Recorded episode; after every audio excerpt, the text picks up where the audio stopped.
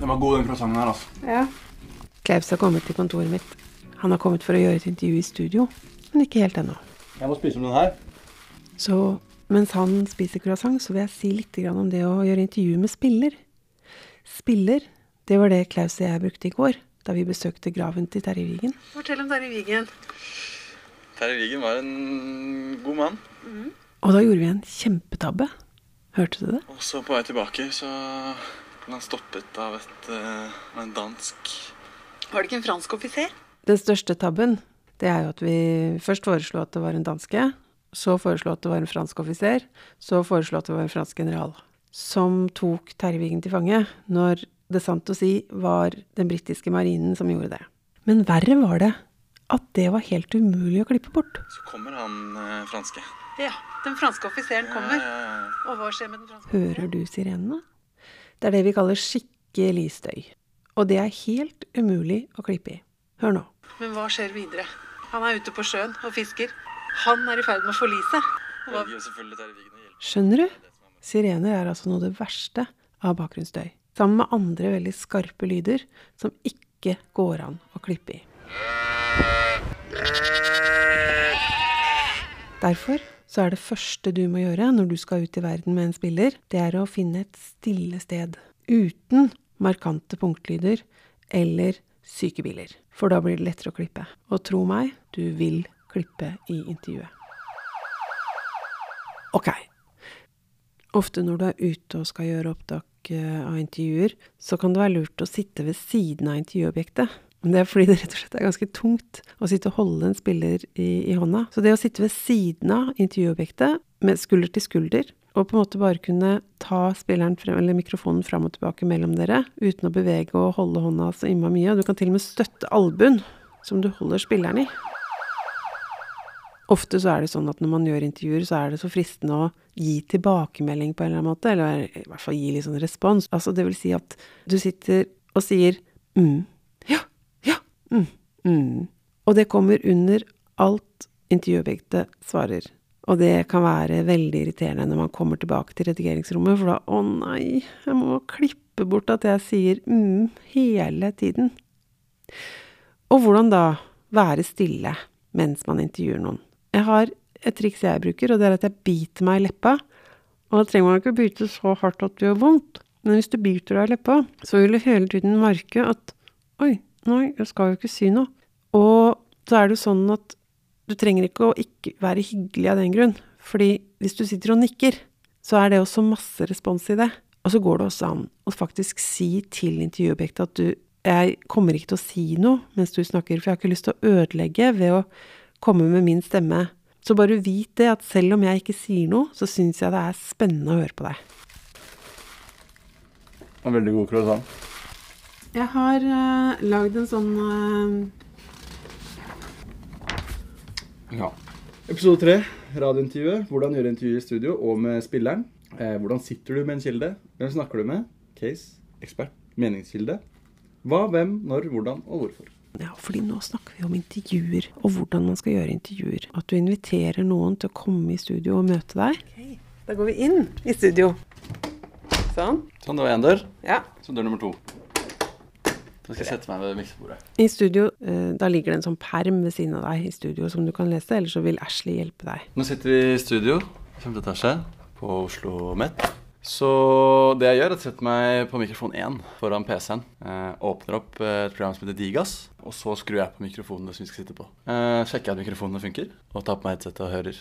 Og så går jeg inn i noe som heter råstoff i Digas, og så trykker jeg på et ikon av en mikrofon. Og når den har lasta, så eh, kan jeg gi prosjektet et navn.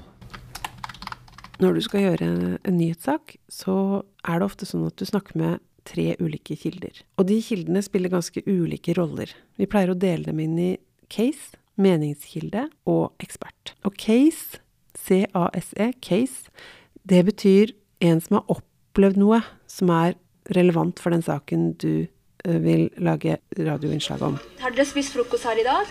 Ja. Ja, hva har dere hatt? Eh, Eplejus.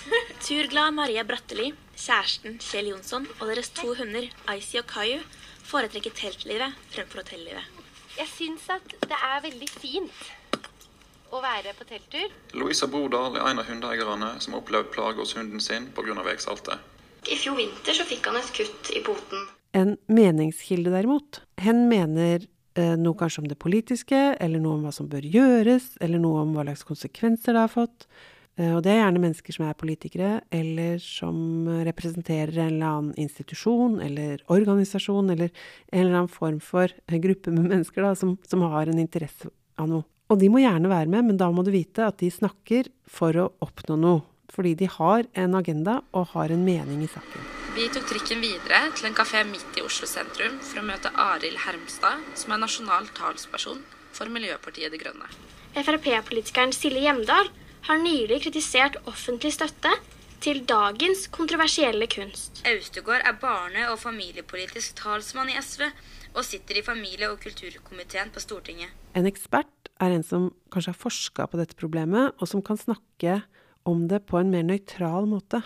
Så det vil si at eh, de ikke har noen egne meninger som er sterke om saken. Siri Mohammad Roe underviser på Oslo OsloMet i engelskfaget på utdanningen for grunnskolelærer 5-10. Vi har snakka med veterinær Emilie Torp Lund fra Ryen dyreklinikk om problematikken. På et kontor på Universitetet i Oslo sitter biolog Dag Hessen. Ok, jeg tenkte jeg skulle hive deg ut på dypt vann. Jeg kan bare la deg gjøre et intervju, så kan jeg etterpå fortelle deg hvordan det gikk. Men intervju er vel egentlig bare å stille spørsmål, er det ikke det? Hvilke spørsmål skal du stille? Det er mange som lurer på det. Særlig første gang de skal lage noe. Hva skal jeg spørre om, da? Og da er det veldig lurt å huske på de derre helt enkle spørsmålsformuleringene. Hva? Hvem? Når? Hvordan? Hvorfor? For har du dem, så har du egentlig det du trenger.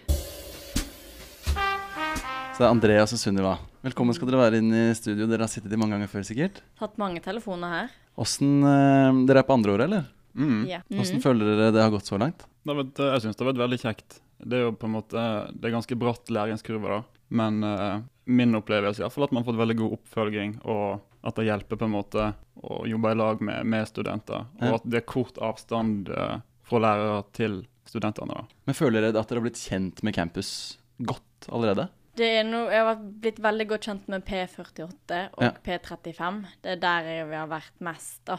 Hvor er det vi fortell, bare fortell litt om hvor vi sitter. Ja, vi sitter i femte etasje. Dette er jo det vi- pleier å kalle det for redaksjonslokalet. Ja, redaksjonslokalet. Ja. Fordi det er liksom en plass vi som journaliststudenter har. Sånn at vi, jeg tenker i hvert fall at jeg gidder ikke å drive og presse meg på en plass i lesesalen når jeg Nei. kan sitte her. Ikke sant. Hva med deg, Andreas? Yes. Hva var ditt, hva er ditt eh, favorittsted på eh, si hele campus, da? Det blir vel her da òg, egentlig. Ja. For meg òg. Det er blitt en slags Det er en liten oase, på en måte. Det blir en sånn heimebane. Dere kan vel litt om intervjuteknikker og sånne ting nå.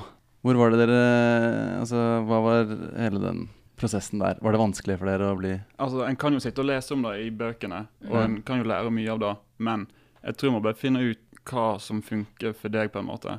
Og i mitt tilfelle så fant jeg ut at da å gjøre et grundig forarbeid før et intervju var veldig viktig for hvordan det intervjuet ble. da. ja. Ja, jeg tenker mengdetrening er viktig. Det oftere du gjør det, det mer lærer du av feil du gjør.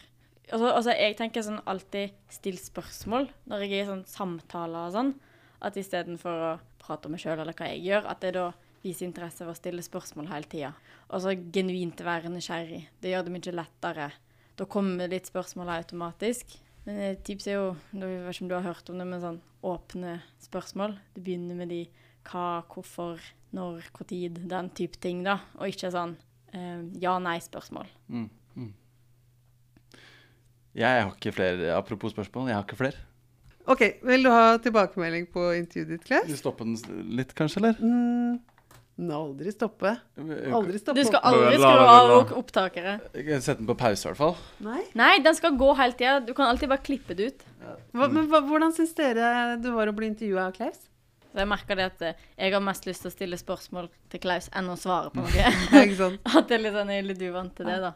Hva med deg, Andreas? Nei, det synes Det er fint, jeg. Det er jo en vanskelig setting, dette her, sånn egentlig. At vi blir henta ut fra gangen her, uten at vi har noe spesielt tema eller noe sånt. Ja, men, jeg syns du, jeg syns du gjorde en god, eh, god jobb, Klaus. Jeg syns du presenterte Andreas og Sunniva og fikk dem til å slappe av. God radiostemme. Takk. Og så syns jeg du eh, eh, klarte å liksom få dem til å fortelle om steder, konkrete steder, sånn som femte etasje, og forklare hvordan det så ut her. Og så, ja, hvor vi er vi egentlig nå, fikk Sunniva til å liksom si det og sånn. Det syns jeg var veldig fint. Da kan du få lov å få takke for eh, Jo, takk for intervjuet. Nei, sier man det? Takk for intervjuet. Takk for at dere stilte opp. Ja, jeg bruker å si sånn Takk for praten, det var kjekt å prate med deg, eller noe sånt. Takk for praten. Det var kjekt å prate med deg. Ja, kjekt. Ja. Nei, takk skal dere ha. Bare hyggelig. Bare hyggelig. Det var gøy. Men nå kommer jo spørsmålet hvordan bruker man intervjuer i en nyhetssak? Mer om det i episode fire.